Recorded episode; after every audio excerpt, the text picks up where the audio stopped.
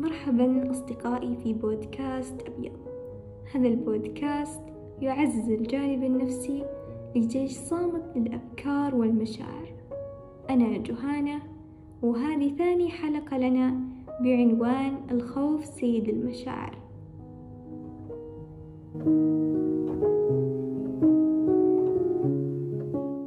كل مرة نسمع قصة الوحوش تحت السرير. أو الوحوش خلف خزانة الملابس. كبرنا وكبرت معانا الوحوش وأصبحنا نخاف من وحوش أكبر من الظلام. وحوش الطفولة وحوش لم تكن موجودة أبدا بل هي كانت موجودة داخل رؤوسنا. قد تكون على الأرجح مريت بالتجربة. تلك الحالة اللي تشلل أقدامك وتعوقك عن المضي قدما. أو ذلك القلق المستمر اللي يدور ويدور في عقلك أو ذلك التعرق أو الرعشة اللي تضعف قوامك وتشعر أن جسدك خارج عن السيطرة. مرحبا بالإحمرار الخدين والتأتأة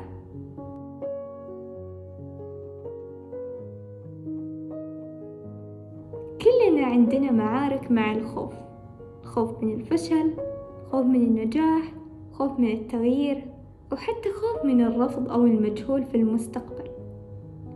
أو الخوف من إعادة تجربة ما أو عيش تجربة ما قد تأتي.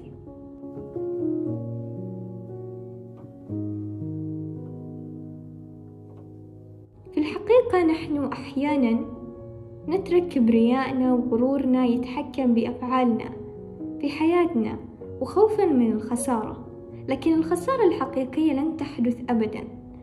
ومن الصعب نكون مدركين لذواتنا مجرد دفع كبريائنا والاعتراف بهزيمة الخوف. مخاوفنا تكبر معانا.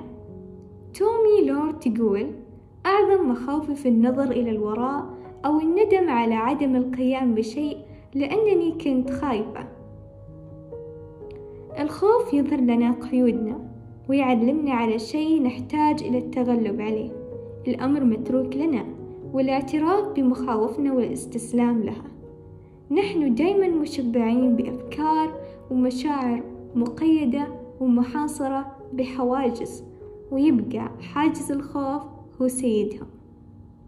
لذلك تذكر دائما أنه أكبر مخاوفك واعتراف بمخاوفك ممكن يكون أكبر خطوات لتطورك ونجاحك في المستقبل.